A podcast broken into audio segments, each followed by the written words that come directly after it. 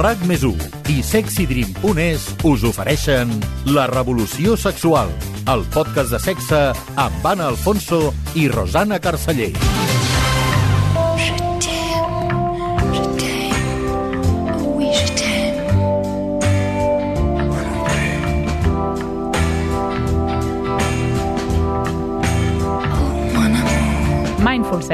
Una sexualitat lúcida i desperta, un fer l'amor tenint plena consciència de l'acte amatori en si mateix, deixant la ment lliure de qualsevol pensament aliè a la pràctica sexual. En el Mindful Sex cal deixar de banda també l'obsessió per arribar a l'orgasme o per portar a terme algun tipus d'activitat determinada al llit. Això és el que escriu la sexòloga Emma Ribas al llibre que acaba de publicar, Mindful Sex, el sexo que revolucionarà tu vida, de l'editorial Plataforma Actual. Avui en volem parlar amb ella per esbrinar una mica més en què consisteix i sobretot aprendre a practicar-lo i a gaudir dels seus seus beneficis.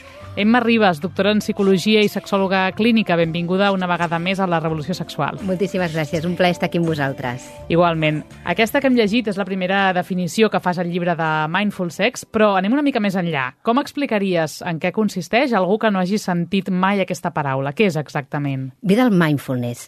Mindfulness ha entrat a la nostra societat amb molta força en les àrees de l'empresa, l'educació, a la salut. Molts hospitals ja inclouen mindfulness mindfulness, diferents programes per, per la salut, justament també a moltes empreses, mindful eating també, que és en l'alimentació, um, en l'educació també, molts mestres ja estan fent programes de mindfulness i faltava en la sexualitat. I què vindria a ser exactament? És atenció plena quan estem en, en la sexualitat. És canviar una miqueta el paradigma de la nostra sexualitat, aquesta sexualitat que ve d'un model eh, més basat en la pornografia, que d'aquí és d'on es nutreix molt. És la idea que tenen moltes persones ficades d'alguna manera en les seves ments que han de reproduir en la seva sexualitat. Aquest, aquest sexe convencional que al final es nutreix del porno mainstream que ens porta a tenir unes expectatives que al final porta a que les consultes de sexologia estiguin plenes de patiment a nivell de sexualitat, que per sort molta gent ja consulta, que abans es vivia en silenci i ara hem fet un pas més que moltes persones consulten i això fa que les consultes estiguin absolutament plenes de persones que, que pateixen, ho viuen en silenci, que tenen disfuncions sexuals, que no viuen, que viuen la sexualitat d'una manera um, des de la pressió, des del que hauria, que hauria de tenir més desig, o que no, no tinc suficients ereccions, o el que se suposa que hauria de fer, i això em genera un malestar perquè no estic a l'alçada del que s'espera de mi a nivell social. Hi ha molta gent aquí receptes o recomanes el mindful sex per problemes sexuals, eh, per, per quins casos eh, estaria recomanat aquesta sí. tècnica. A tothom, per tothom, perquè al final tots hem sigut víctimes d'aquesta educació sexual i estem siguent.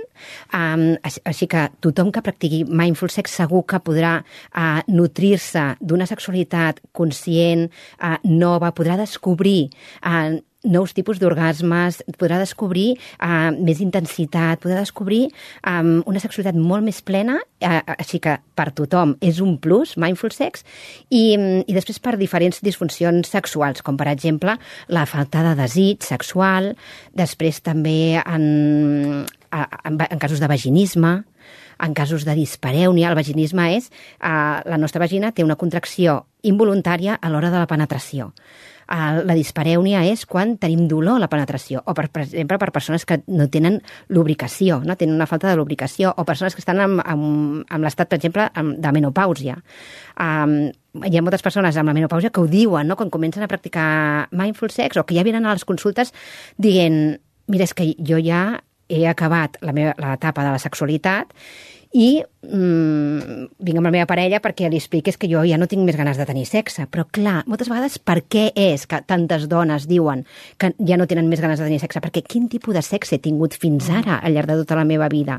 Quin tipus de sexualitat? Un sexe doncs, més centrat en complaure l'altre, a tenir, a, a tenir sexe per l'altre, a complir um, com una tasca més del meu dia a dia. I això també eh, en el cas de moltes dones, sobretot passa més en, en dones que en homes, no, que acaben tenint sexe per l'altre. I això ens porta a... És una, una de les causes de, de tantes disfuncions sexuals i tant de patiment, perquè al final acaben siguent... Si jo tinc sexe sense desig i tinc sexe per l'altre, no perquè jo en tingui la necessitat, això acaben sent abusos sexuals consentits amb les mateixes seqüeles que un abús sexual. Aleshores, aquesta és una lacra social viscuda en silenci, que no se'n parla, silenciada. Moltes dones tenen sexe per l'altra i s'obliden d'elles mateixes de poder... Perquè, clar, no, és com el cronòmetre, el cronòmetre de que van passant les setmanes i no tinc ganes, no tinc ganes, no perquè, perquè hi ha el tema, no, de, o potser tenim fills, o la rutina, no, no ens dediquem a aquest espai de qualitat que et dona mindful sex, aquesta consciència de connectar amb l'altre, perquè també d'alguna manera, del model que venim, del sexe convencional, és aquesta sexualitat absolutament coitocentrista, falocentrista i finalista. O sigui, el sexe és genitals, um, o hi ha d'haver-hi una, no, una penetració, o el penis és superimportant, o sempre hem d'acabar amb orgasme, perquè si no, i fixeu-vos quina pressió escolta, no, la sexualitat ha de venir, ha de néixer des de, de dins, del, de l'estimar-me a mi mateixa, de, o a mi mateix, de, de, de despertar aquesta energia sexual en mi i de connectar també en l'altre. I si no tenim l'espai com a parella, perquè eh, tenim estrès, per al que sigui, hem de buscar aquests moments de connexió, però tenir penetracions, D'aquesta manera ens porta un problema encara més greu, que si comencem amb una, un problema de lubricació, de falta de desig, acabarem amb, al final amb, amb que la meva pròpia vagina s'acabarà tancant o acabarà tenint dolor i acabarà dient els nos que jo no sóc capaç de dir, uh -huh. per, perquè se suposa que socialment jo he de tenir sexe amb la meva parella o... No? I després també hi ha d'altres disfuncions sexuals, com per exemple el, Bueno, tenim també la, la versió al sexe, que això ja seria el grau més elevat, no? que la, la persona ja té ansietat només de que la seva parella ja l'estigui no, mirant o li vulgui donar la mà. I, i després hi ha casos, per exemple, d'homes i persones amb penis que tenen la dificultat de, que he d'estar sempre a l'alçada, eh, sempre he de tenir una erecció a punt, que si no tinc aquesta erecció doncs no, no, no complac a l'altra persona i això genera molt malestar i molta pressió. Hem parlat amb alguns testimonis de persones que han fet mindful sex amb tu i la Sílvia, per exemple, ens diu això sobre els motius que la van portar a aquesta teràpia o a aquest tipus de sexualitat. Realment va ser per, perquè estava en perill i volia millorar eh, la meva parella, la meva connexió amb la parella. Això va ser el principal. I quan vaig començar la formació ja vaig entendre que això anava de, de connectar-me amb mi primer. La majoria de pacients que t'arriben eh, són d'aquest perfil? Volen tractar problemes de connexió sexual amb la seva parella? Sí, normalment arriben amb un tema de, de disfunció sexual, no? de tenim aquest problema, no? o hi ha una falta de desig, o no tinc erecció, o no, no tinc ganes, o sigui, Sí, qualsevol -huh. demanda d'aquest tipus, un problema de parella, de comunicació, i això afecta en la sexualitat. I sempre, com deia la Sílvia, abans de connectar amb la parella sexualment has de fer un treball individual per connectar amb tu mateix, això sempre és així? Aviam, no sempre té per què ser així. Jo puc començar a practicar mindful sex amb la parella i aquest treball em portarà a la meva pròpia connexió, autoconnexió, amb mi. Um, la Sílvia o, comentava aquest tema perquè ella va fer un dels programes, perquè tenim no, programes online Uh, jo dono classes a la universitat i també uh, el meu equip i jo fem no, mindful sex dintre de, de les teràpies, però a més a més també tenim programes online, un de Desperta la teva energia sexual femenina i un altre de mindful sex per parelles. Aleshores la Sílvia va fer aquest programa de mindful sex per, no, per despertar la teva pròpia energia sexual i li va anar molt bé per, per, per començar a despertar-se a ella, perquè moltes vegades no tenim ni contacte amb el nostre propi cos, estem constantment en la nostra ment, en el que hem de fer, en el que no, o el que no hem fet i, o el que haurem de fer després, i això ens desconnecta de nosaltres. Els, tenim els cossos adormits perquè estem en la rumiació, en la nostra ment constant. Aleshores, Mindful Sex, eh, d'alguna manera, et porta a poder connectar i despertar el teu propi cos, que el tenim adormit. Uh -huh. Adonar-te'n no, de, i aprendre també a estimar el cos, connectar i, mm, i aprendre a sentir plaer en el meu dia a dia, no només per tenir una relació sexual, uh -huh. perquè això fixeu-vos que limitat que és, no? sinó que és viure des del plaer en el meu dia a dia i no tinc per què tenir sexe a través d'aquest plaer que jo tinc, sinó que això ja m'ajuda a generar oxitocina i a reduir el cortisol en, la meu, en el meu dia a dia, no? que és l'hormona de l'estrès, i connectar amb les altres persones des d'aquest eh, des d'aquest estat. La Gemma també ens ha parlat del seu cas i de per què va arribar al Mindful Sex, en el seu cas va ser després de patir abusos. Vaig patir abusos sexuals infantils i estava en un moment que sabia que la sexualitat l'havia de treballar. Tot i que jo considerava que no ho portava malament, mm, hi havia alguna que no, no, no, no anava en sintonia amb, amb les meves necessitats, amb el que realment desitjava. Et donaré un exemple molt bèstia. ¿vale? Moltes vegades, quan acabava de tenir relacions sexuals, no n'era conscient per què em passava, però necessitava vomitar. Segurament aquestes relacions les estava mantenint sense estar realment connectada pel dolor que encara tenia. En el moment que vaig fer aquest treball de poder anar a poc a poc d'escoltar-me des de la meditació, des del mindfulness, vaig adonar-me en compte de que era simplement que no estava en sintonia amb les meves pròpies necessitats. I ja mai més vaig tornar a vomitar, ni molt menys, evidentment. En aquests casos d'abusos també pot ser molt útil, no, el mindful sex? Sí, i tant. És una eina molt potent perquè una de cada cinc persones ha rebut abusos sexuals a la seva vida i moltes vegades no en som conscients. Aleshores, això et porta a congelar el teu cos i a no ser conscient ni que has rebut abusos sexuals i moltes vegades el que fas és tenir sexe des de la desconnexió que això encara és més retraumatitzant. Per tant, Mindful Sex ens portarà a connectar-nos amb el nostre cos i una de les primeres pràctiques que, que utilitzem és la d'estima el teu cos, que la teniu, que es diu Ama tu cuerpo, que la teniu en el llibre amb un codi QR i també a les meves redes socials perquè vam decidir regalar aquesta pràctica perquè tothom tingués accés a un model diferent de relacionar-me amb mi, Aleshores, aquesta pràctica, quan la fem, no, quan les persones, tant a, a les formacions com a les classes a la universitat, com a les sessions a la consulta, doncs quan la persona veu aquest referent diferent d'aprendre, no? estima el teu cos, aprendre a tocar-te d'una altra manera, una de les preguntes que fem és um, t'has tocat alguna vegada des d'aquell lloc? I que normalment és no. I la segona pregunta és i algú t'ha tocat alguna vegada d'aquesta manera? I clar, moltes vegades amb les llàgrimes als ulls, no? Fixeu-vos quant dolor és, no? mai m'he sentit tocada o tocat amb amor. La Sílvia ens parla també de quins exercicis de mindful sex més concrets ha practicat. Ens posa aquests exemples. Una pràctica seria pues, eh, posar-te en un entorn agradable de casa teva, vale? un espai que sigui per tu, on l'olor t'agradi, on tinguis potser inclús un mirall que et puguis veure i eh, començar a tancar els ulls connectar amb, amb el teu cos. A partir d'aquí hi ha uns exercicis no, amb les caderes que et connecten doncs, amb la teva pelvis d'acord i amb la teva part eh, més sexual.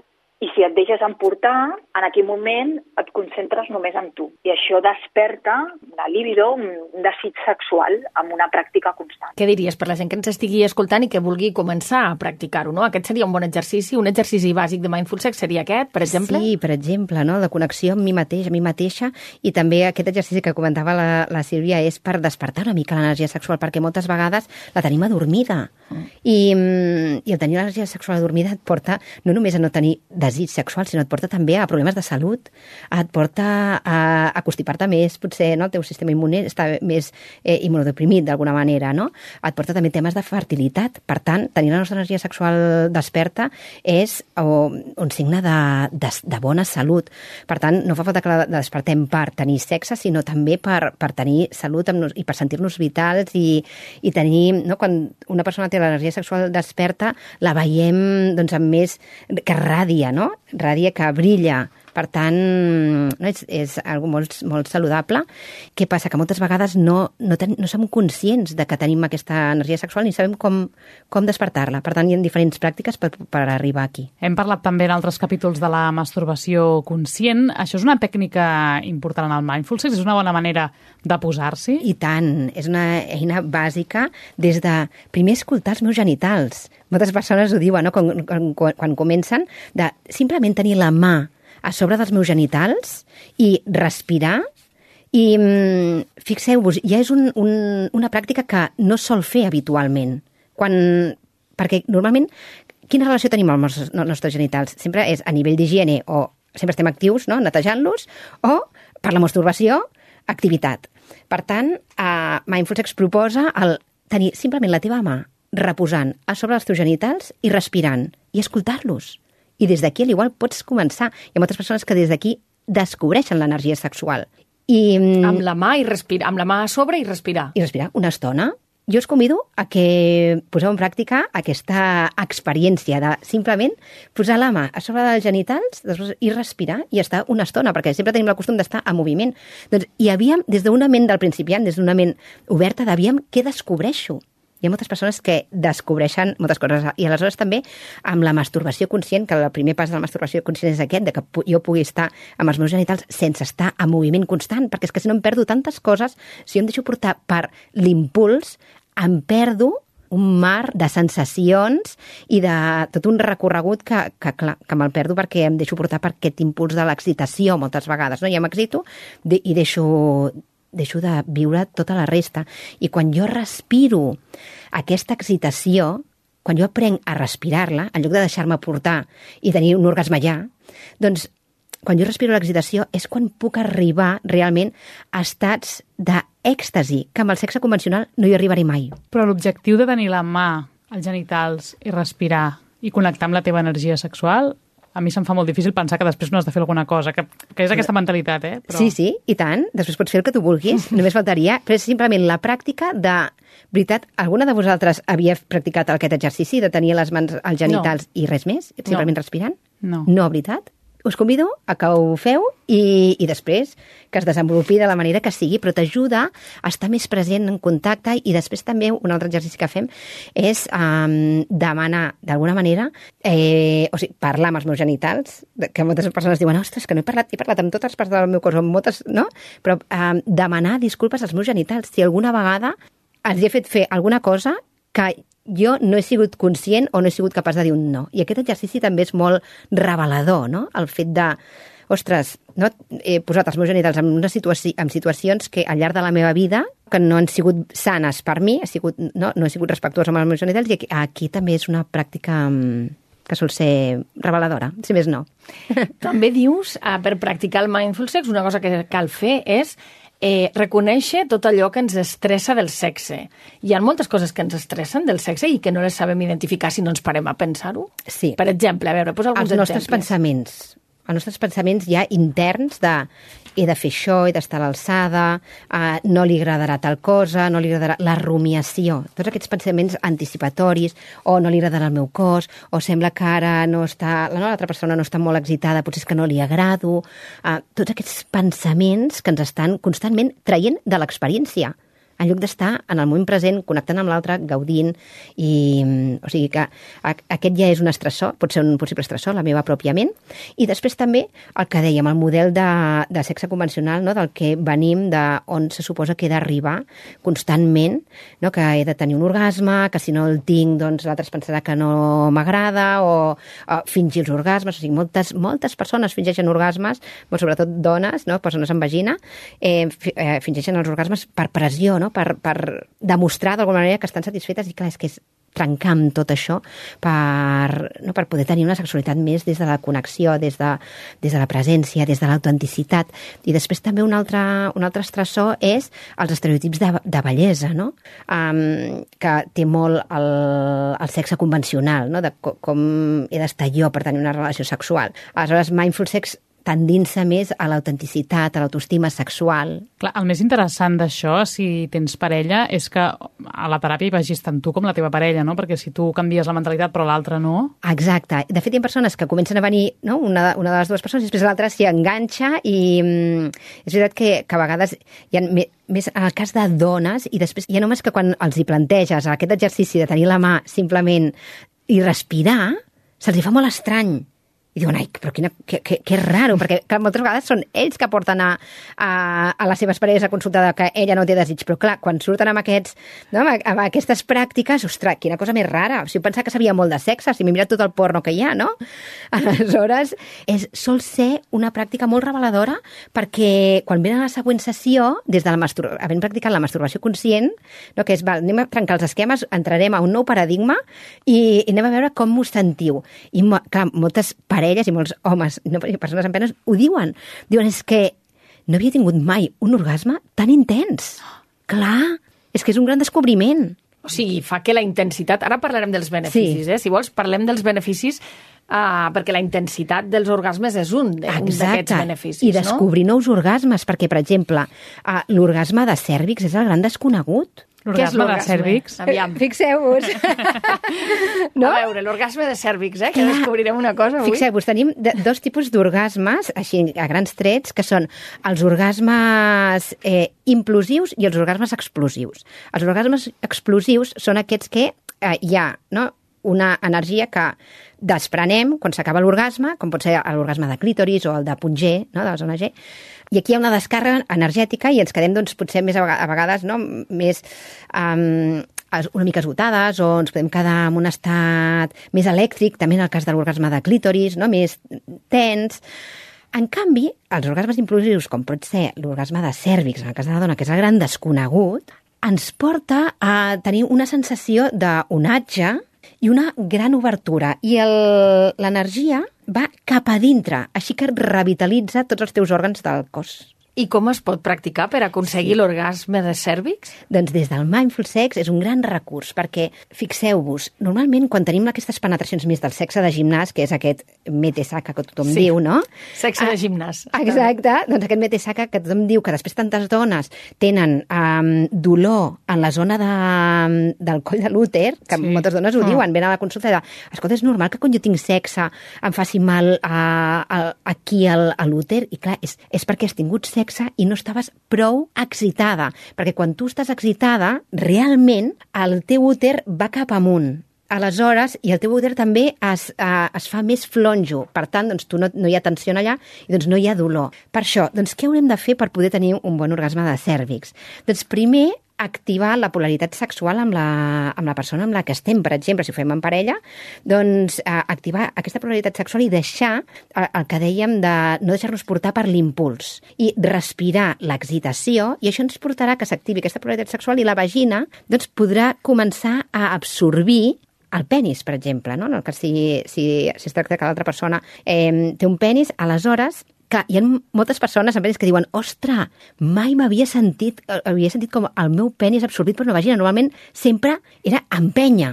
Aleshores és una experiència molt nova pe- pels dos i aleshores és fer un massatge a la zona del cèrvix quan, no, des de la tècnica de l'entrada conscient, que és una altra de les pràctiques que s'utilitzen en Mindful Sex, des d'aquesta pràctica, doncs, fent un, eh, un, un massatge de cèrvix, és quan podem arribar a un orgasme de cèrvix, que és brutal, et deixa amb una sensació d'obertura, de voler més, de sentir-te superconnectada amb l'altra persona, de vincle més profund. Doncs ens estudiarem bé el llibre.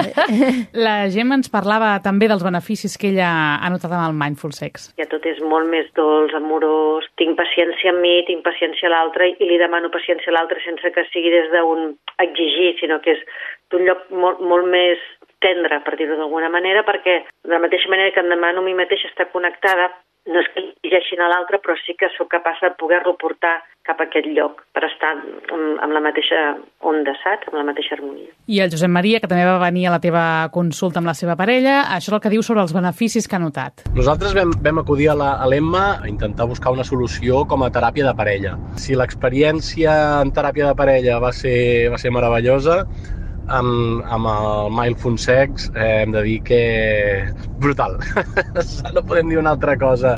El que ens va ajudar moltíssim era, va, ser viure el moment, connectar entre nosaltres, en temes respiracions, en tema, bueno, eh, el connectar, el connectar un amb l'altre, només amb aquestes dues coses que aparentment semblen tan senzilles, el canvi que hi ha és d'un altre planeta. I per acabar, la Sílvia, que ens diu això sobre el que ella li ha portat al Mindful Sex. Estar més present en l'acte sexual, gaudir més, allargar-lo més, establir una connexió amb parts del cos i sensacions que fins ara no havia experimentat. En general, amb, amb més energia, no? Que quan acabis de, de tindre la trobada sexual amb tu mateix o amb la teva parella, es- et sents re- recarregada energèticament. I això afecta pues, eh, el teu dia a dia, la teva autoestima, el teu autoconeixement i, i amb ganes de més. Creus que col·lectius sanitaris com metges, psicòlegs, infermers, sexòlegs haurien de tenir més present el Mindful Sex? Tant, Perquè potser no es coneix gaire, no? I estan començant, per sort, no? Jo dono classes també de Mindful Sex a la, univers- a la UB, a la, a, a la Facultat de Psicologia, amb, amb màster, al màster de teràpia sexual i de parella, i després també a la Universitat de Medicina. O sigui, ha entrat Mindful Sex, així que, que estem fent avanços. De fet, el col·lectiu d'infermeria també estan molt, molt interessats, sobretot també en temes no, eh, que, que es dediquen a, a oncologia, uh, perquè, clar, les persones que han passat per un càncer, per exemple, no? després com reactivar la sexualitat, els hi falten recursos, hi ha molts metges que, no? I, i personal sanitari que no tenen recursos per donar als seus pacients que estan passant per, per aquestes fases, i Mindful Sex és una manera molt, molt respectuosa, perquè quan una persona ha passat per un càncer, um, ha passat per una quimio, per unes agressions, no? que, encara que hagin sigut que, per, per curar, però han passat per unes agressions, i clar, Mindful Sex et porta a, a tractar-te amb amor i, i, a, i a ressignificar tota la teva, la, la sexualitat. És això, no? El, el que tots com a societat puguem ressignificar la sexualitat i que, i que pugui arribar més enllà, no? que les persones deixin de patir per la, per la sexualitat, pel sexe al final que ens han venut, no? aquest sexe més um, que porta a tenir les consultes plenes de sexologia, així que si podem extendre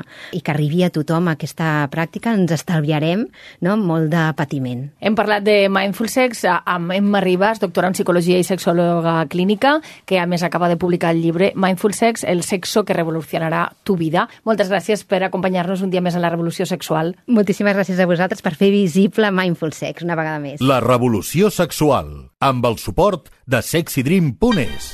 Amb sexydream.es, el sexe no té tabús. Descobreix joguines eròtiques per a tothom, kits eròtics per compartir, llançaria i una pila d'idees sexis i atrevides per innovar i gaudir del sexe com mai.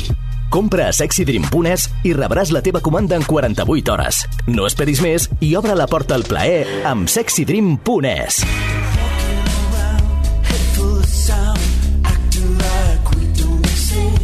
Avui acabem aquest capítol proposant-vos una ruta guiada per Barcelona molt especial. Es tracta de la Puti Barcelona Trans, una ruta de dues hores per descobrir la història de la prostitució a Barcelona des del segle XVII fins als nostres dies. A la Puti Barcelona Trans descobrirem les protagonistes d'aquesta part de la història de la ciutat que no se sol explicar i ens endinsarem especialment en la història del col·lectiu de dones trans que han lluitat per ocupar l'espai que la societat sempre els ha negat. Una ruta imprescindible per entendre la situació actual del col·lectiu. La guia és Violeta Ferrer, una dona trans que ha exercit la prostitució i que també és actriu i tècnic superior en animació sociocultural. Ella explica quin objectiu tenia quan va crear aquesta ruta. Entender las dimensiones que tiene la prostitución, que va mucho más allá de la relación prostituta-cliente. Entender cómo muchas cosas no han cambiado a lo largo de la historia desde hace muchos años y sobre todo cómo se relaciona la prostitución con diferentes estamentos, política, artisteo, monarquía, iglesia y poner sobre la mesa la situación actual del colectivo que bueno, que para transformar eh, hay que conocer i sobretot canviar la mirada. Si voleu saber les dates de les properes rutes i reservar plaça, ho podeu fer al compte d'Instagram arroba tirititranstrans. Pareu i atenció perquè les places volen. I amb aquesta proposta us desitgem, com sempre, salut i bon sexe. RAC més i sexydream.es us han ofert La revolució sexual, el podcast de sexe amb Anna Alfonso i Rosana Carceller i amb Àlex Arbiol al control tècnic.